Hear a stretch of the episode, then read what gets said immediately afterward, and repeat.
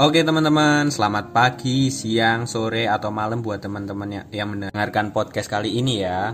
Aerolik pada kesempatan kali ini akan mengundang narasumber yang menarik nih. Jadi aku bocorin sedikit ya. E, narasumber kali ini itu berasal dari agama selain Katolik yang masuk ke Katolik teman-teman. Jadi kita bisa tahu nih gimana perjalanan imannya menuju agama Katolik dan juga gimana sih pandangan si narasumber ini tentang agama Katolik dan agama Islam teman-teman. Oke disclaimer ya teman-teman buat keamanan narasumber. Jadi eh, namanya kita pakai nama baptisnya aja ya. Eh, oke langsung ke pertanyaan pertama aja, Mas. eh, santai aja ya Mas. Waduh. Nama kamu siapa ya mas? Eh, nama itu aku pakai nama baptis ya. Jadi nama baptis aku Adrianus. Panggil aja Drian kali ya. Drian. Iya boleh boleh boleh. Keren juga sih namanya. Tinggalnya di mana mas? Gak usah detail deh. Kalau tinggal aku asal Purworejo. Oke oke oke. Aku juga asal Purworejo sih. Jadi mungkin kita ini ketemu ya juga gara-gara takdir Tuhan kali ya. Kalau itu basi sih kebetulan. Oke langsung ke pertanyaan ketiga. Eh, latar belakang lingkungan keluarga Mas sendiri gimana sih? Eh, didikan orang tua atau lingkungan seperti apa sih yang Mas terima dari orang tua? Kalau dari orang tua itu beda sih. Kalau dari ayah dia keras, sedangkan dari ibu itu aku dimanja banget. Jadi emang itu sangat berketerbalikan gitu. Ya. Dan aku juga kebetulan dari keluarga yang broken home gitu. Ya kurang lebih gitu sih. Kayak jadi kalau didikan aku lebih dari ibu karena aku sejak TK aku tinggalnya sama ibu sih. Jadi lebih ke dimanja sebenarnya gitu. Oh gitu ya. Oke. Berarti Mas ini termasuk anak mami ya berarti ya? Waduh. Tapi dengan kehendak Tuhan dari SMA akhirnya udah bisa mulai belajar mandiri sih sampai sekarang. Oh itu mungkin karena anak mami jadi lebih mandiri. Tapi dulu dijelasin. emang manja banget kayak misalkan pengen apa harus ada hari itu juga. Hmm, oke. Kemudian ke pertanyaan selanjutnya mungkin ya Mas. Eh, dari keluarga anggota Mas sendiri nih, ada yang beragama Nasrani nggak sih? Nah, karena keluarga aku ini sangat homogen, Mhm. jadi saya yang membuat hetero. Jadi saya bisa sendiri nih pertama kali ya kebetulan. Oke oke. Selama ini semua masih muslim bahkan ada yang sampai strict sih sebenarnya ke muslim yang strict gitu. Oh, Mas. Terus? Ya jadi ya untuk saat ini enggak ngomong terus terang ke keluarga, tapi kalau mereka nanya ya dijawab. Paham Mas. Berarti situasi buat sekarang ini Mas eh, keluarga Mas belum tahu ya Mas? Belum karena nggak ada yang nanya itu yang pertama. Hmm. Tapi kalau misalkan dari tingkah laku itu maksudnya kelakuan ya kan maksudnya kayak kalau muslim itu harus sholat lima waktu, apalagi ini lagi puasa Ramadan Iya. harus puasa segala macam itu udah enggak sih jadi sebenarnya dari perilaku pun sebenarnya udah bukan muslim dan kalau Oh, keluarga oke. enggak mungkin bisa ya kayak iya, iya. kenapa nih gitu Hmm. tapi nggak ada yang sampai nanya sih jadi nggak dijawab juga Oh, berarti kan image Mas di sini sekarang kan berarti masih Islam ya di keluarga. Terus puasa Hmm. nggak nih? enggak enggak puasa mungkin image di keluarga sekarang adalah Islam tapi nggak Islam Oke. Islam KTP mungkin ya image di keluarga sekarang.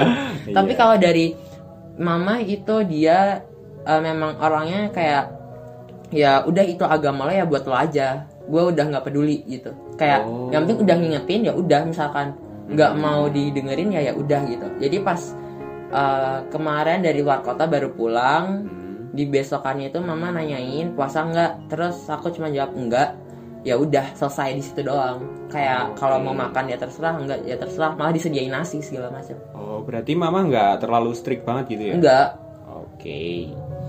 Eh, mungkin ke pe- pertanyaan selanjutnya ya, Mas. Buat Mas sendiri nih, tanggapan Mas tentang toleransi beragama di Indonesia tuh gimana sih? toleransi beragama Eh, ini susah ya, agak takut sebenarnya Iya. ngomong.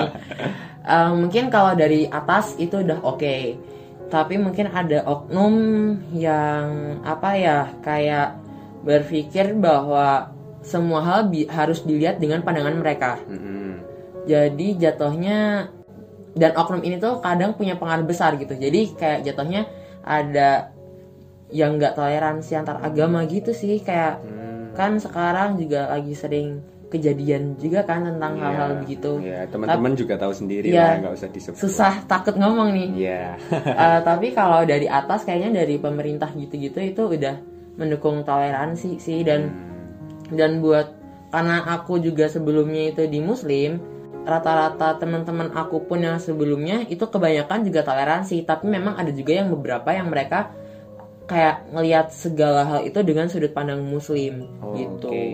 Eh, mas ini kan eh, statusnya masih kuliah ya? ya Eh, berarti kan di luar kota nih. ya Kalau dari kota mas as- asal kota mas sendiri itu toleransinya gimana ya mas? kalau dari tempat kota aku sendiri eh, dari teman-teman aku terutama itu kayak Hmm? Pas aku sebelum ikut katakumen Ya. itu teman-teman aku malah support sih kayak ya udah at least lo ada peningkatan mau ibadah daripada nggak ibadah sama sekali gitu kan. Iya. jadi malah kalau dari teman-teman aku sendiri itu kayak uh, malah ngedukung sebenarnya sih. Kayak support aja apa pun yang aku lakuin itu aku yang tanggung jawab sendiri. Jadi mereka juga cuma bisa support mereka nggak yang ngelarang gitu sih. Cukup cukup rumit ya ternyata ya eh, narasumber kita ini masalah iman perjalanan imannya teman-teman. Buat pertanyaan selanjutnya aja nih, Eh, Mas sendiri nih menurut Mas tuh pandangan Mas tentang agama sebelum Mas ini sendiri tuh gimana ya? Oke, jadi untuk agama sebelum ya, mungkin aku ngebandingin aja kali ya, Iya iya bisa bisa. ngebandingin antara agamaku sebelum dan sesudah. Jadi kalau di agamaku sebelum itu kita ini kalau aku nggak salah ya aku takut salah ngomong soalnya kalau salah nanti mohon koreksi aja. Oke. Eh, tapi setahu aku karena dulu juga aku dari keluarga, maksudnya ada keluarga yang strict banget, jadi aku tahu beberapa hal kayak eh, kalau di agamaku nih ada Tuhan itu menjanjikan surga buat beberapa orang gitu kan, kayak ada nih contohnya nih kayak ngehafalin 99 nama Tuhan Hmm. itu kalau kita hafal nanti ada jaminan surga gitu-gitu terus juga eh, buat yang hafal 30 juz ya ketawa dong. 30 itu deh. Satu kitab suci itu dihafal. Itu nanti juga eh, kita dapat jan- jaminan surga gitu sih kalau di agamaku sebelum. Dan kalau yang di sekarang ini kan apa ya kayak kita kalau mau lang- ibaratnya instan surga gitu ya kita harus ngelakuin pertobatan dulu. Harus apa ya ada kita usaha buat mencari keselamatan diri kita sendiri gitu dan kalau untuk secara umumnya sih sebenarnya nggak beda jauh bahkan di sejarah se- apa sih kayak kisah-kisah nabinya pun mirip-mirip cuman mungkin Hmm. karena kalau di Katolik kan kita udah mengakui perjanjian baru ya Iya benar. mungkin kalau di agamaku sebelum itu perjanjian barunya enggak Iya. dianggap jadi masih ke di perjanjian lama gitu sih Dari gambaran itu teman-teman juga tahu kan. Iya nama Al-Quds aja eh ya kebalik guys panik nih enggak nama Roh Kudus aja itu masih dijadiin eh, nama sembilan eh, nama ganti Tuhan juga gitu di agamaku sebelum jadi Al-Quds ada itu memang Oh. jadi memang ya itu sama sih sebenarnya kayak Hmm, ya, buat gambaran kita aja ya teman-teman. Sekarang kan udah dari pandangan eh, yang itu nih. Nah, sekarang yang Katolik sendiri nih. Menurut Mas tuh gimana sih pandangan Katolik ini tuh gimana kok bisa kayak menarik emas gitu loh? Oh, sebenarnya kalau pandangan agama Katolik itu kenapa memilih Katolik yang pertama karena ya panggilan Roh Kudus sih pasti ya kayak yang ngebuat harus kayak tertarik ke Nasrani ke Kristen gitu. Tapi eh, kenapa milih Katolik itu jadi sebelum itu saya research dulu guys Hmm. benar-benar research bedanya Protestan sama Katolik apa segala macam kan. Terus juga nanya ke teman-teman tapi teman-teman saya Protestan jadi saya cuma nanya Protestan Oh, nggak nanya ke oke. Katoliknya. Terus habis itu pas sudah tahu sejarahnya juga baca segala macam ternyata yang apa ya mungkin bah dalam tanda kutip nih orisinilnya. Orisinilnya Kristen gitu kan itu ke Katolik. Jadi kayak lebih prefer ke Katolik. Dan Katolik kan juga terpusat gitu. Sedangkan kalau Protestan ini kan tiap gereja Iya. itu punya kebijakannya masing-masing ya kan. benar-benar. Itu sih. Macam-macam juga ya gerejanya. Iya.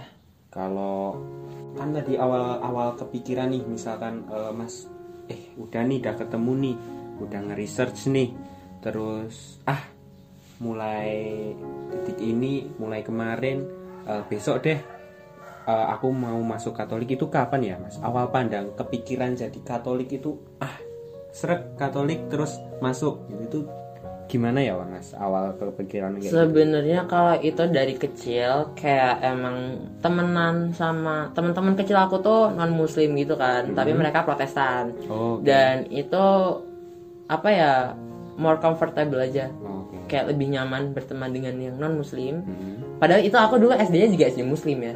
Oh, tapi oke. kalau di rumah aku temenannya non muslim Hmm. dan aku ngerasa lebih nyaman dengan teman-teman di rumah daripada di SD waktu itu. oh ya Terus karena teman-teman non muslim jadi tahu lagu rohani, dengerin lagu rohani dari kecil itu menenangkan iya tenang, damai gitu rasanya. Oh, oke. Terus sampai hafal lagu pertama yang hafal itu mujizat itu nyata. oh Itu aku hafal dari kecil.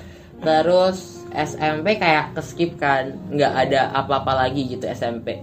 SMA tiba-tiba jadi karena mungkin masa-masa ini ya apa kayak dipaksa untuk mandiri tuh SMA karena kan dulu aku bilang aku dimanja terus pas SMA tuh mulai harus mandiri. Kayak terpaksa keadaan yang memaksa untuk mandiri. Iya sih. Jadi kayak dengerin lagu-lagu rohani gitu sih biar menenangkan diri sendiri aja. Dan terus suka lagi. Terus waktu kuliah eh, itu bisa circle saya kebetulan sekarang banyak yang non muslim lagi terus nyaman juga sama mereka lebih ny- lebih nyaman. Terus juga apa ya waktu itu tuh yang yang pertama yang menggugah banget nih kayak harus secepatnya pindah itu karena iseng kan. Jadi dulu tuh walaupun muslim tapi bukan yang ini loh bukan yang ibadah banget. Justru saya ibadah cuma di sekolah itu pun karena tuntutan oh. Kayak karena tuntutan masyarakat itu loh tuntutan lingkungan gitu kan. Sebenarnya mungkin bisa dibilang dulu nggak percaya Tuhan sih lebih ke ateis ya jatuhnya. Terus habis itu kayak iseng aja nih Tuhan beneran ada nggak sih gitu kan. Terus kayak iseng doa tapi doanya bukan ke Tuhan saya sebelumnya. Iya.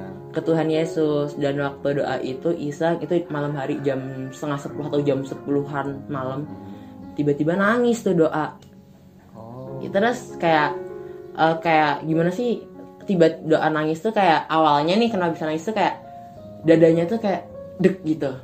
Kayak ada getaran. Beneran rasanya tuh ada yang getar gitu di dalam dada. Terus? Terus nangis otomatis nangis gitu. Dan habis itu kayak oke besok gue harus nelfon gereja.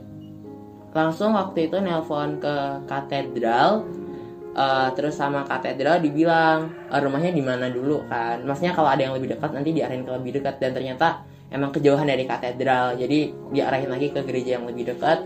Terus nelpon gereja langsung diikutin katekemen. Dan itu katekemen susulan guys. Harusnya itu katekemennya itu udah dimulai dari bulan ah, eh bulan Agustus deh kalau nggak salah. Kalau mas ikutnya? Ikutnya mulai Desember akhir. Jadi waktu itu sampai seminggu itu tiga kali pertemuan kayak buat ngejar gitu? Iya ngejar seminggu tiga kali pertemuan dan satu setiap pertemuannya itu tiga jam. Oh berarti awal awalnya ini tuh juga karena lagu rohani ya? Ya bisa dibilang itu sama tapi yang emang harus secepatnya itu gara-gara doa itu sih. Oh oke mungkin mulai titik baliknya ya teman-teman di situ.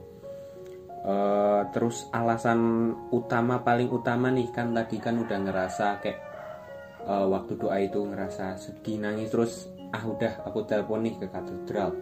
Mau apa jadi Katolik lah istilahnya kayak gitu. Ah, alasan terdalam mas itu pengen jadi Katolik itu kenapa ya mas? Ya kalau kayak gitu susah sih ya karena karena sebelumnya kan saya tidak percaya dengan Tuhan nggak pernah ibadah. Jadi kayak eh, nggak ada pandangan hidup nggak sih selain Pancasila? Iya. Jadi lebih ke sebagai warga situ. negara Indonesia. Iya jadi harus Pancasila banget guys.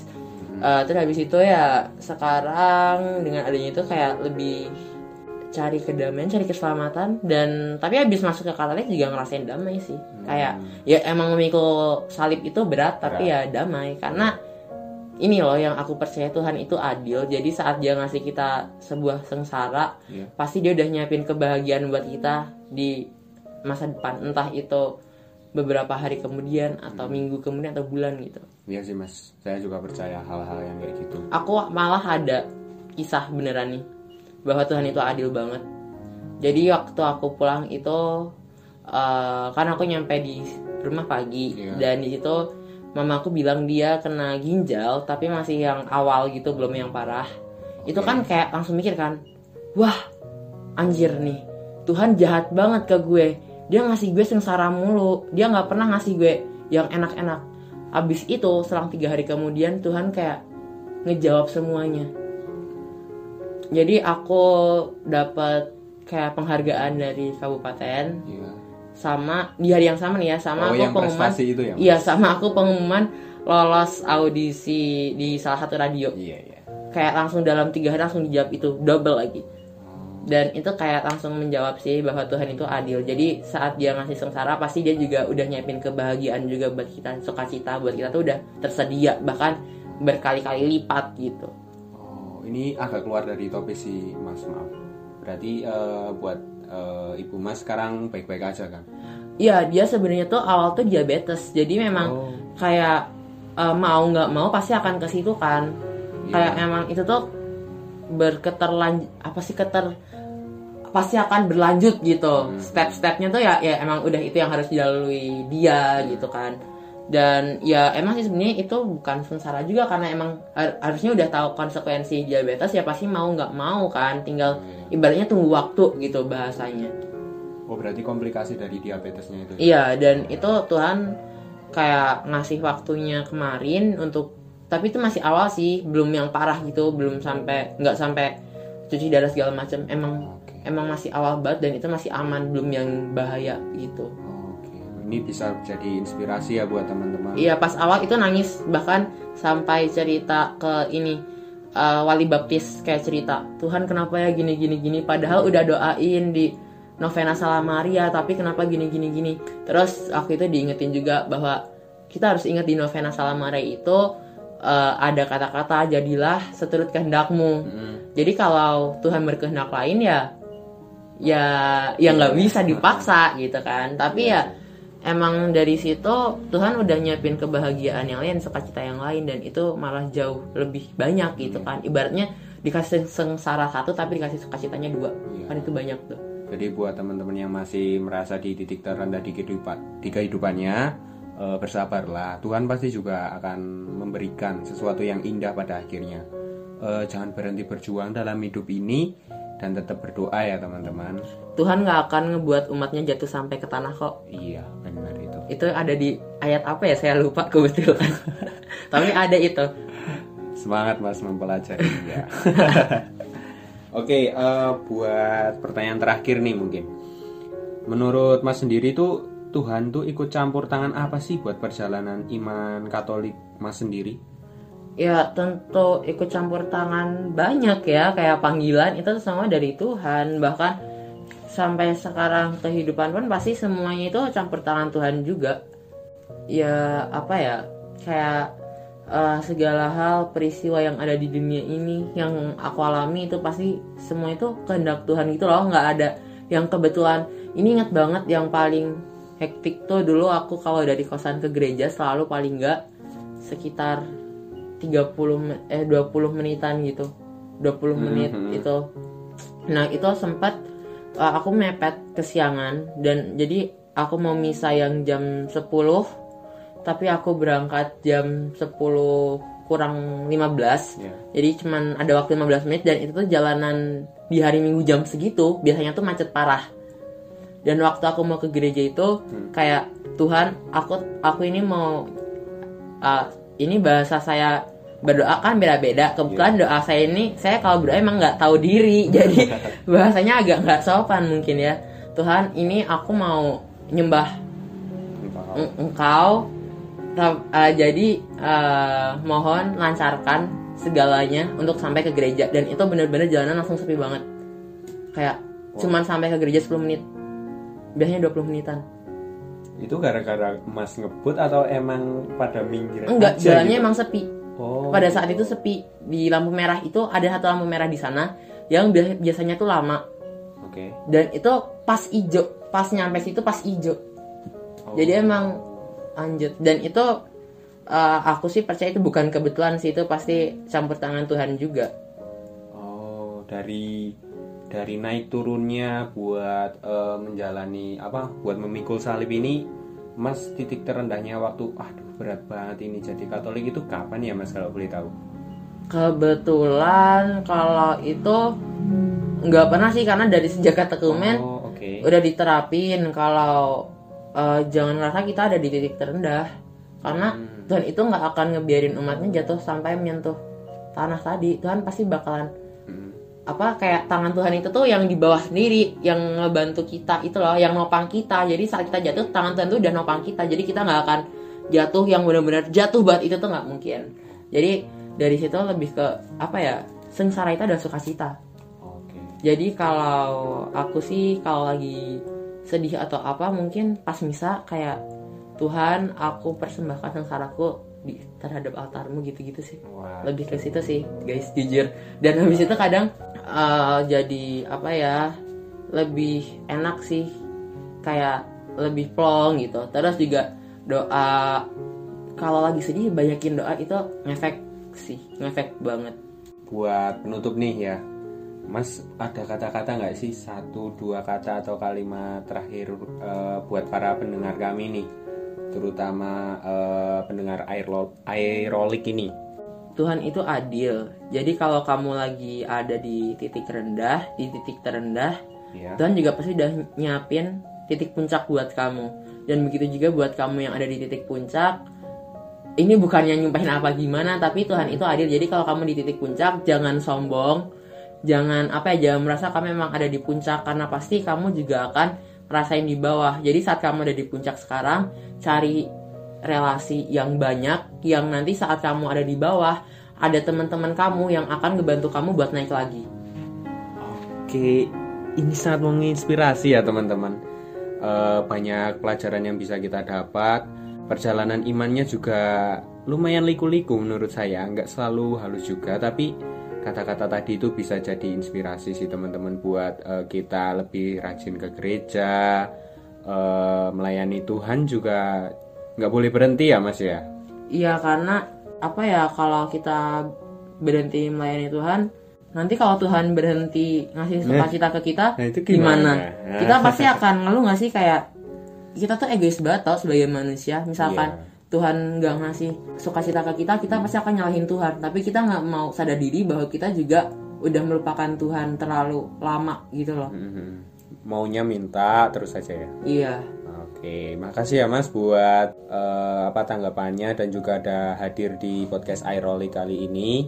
Eh, makasih banget eh, Kak Mas juga kan habis dari luar kota nih, jadi eh, habis ini main-main ya Mas. iya Oke, siap mantap. Oke, makasih ya buat pendengar-pendengar iRolly. Eh, sekian dari saya Bayu. Eh, Moga-moga ini bisa menginspirasi teman-teman. Terima kasih teman-teman.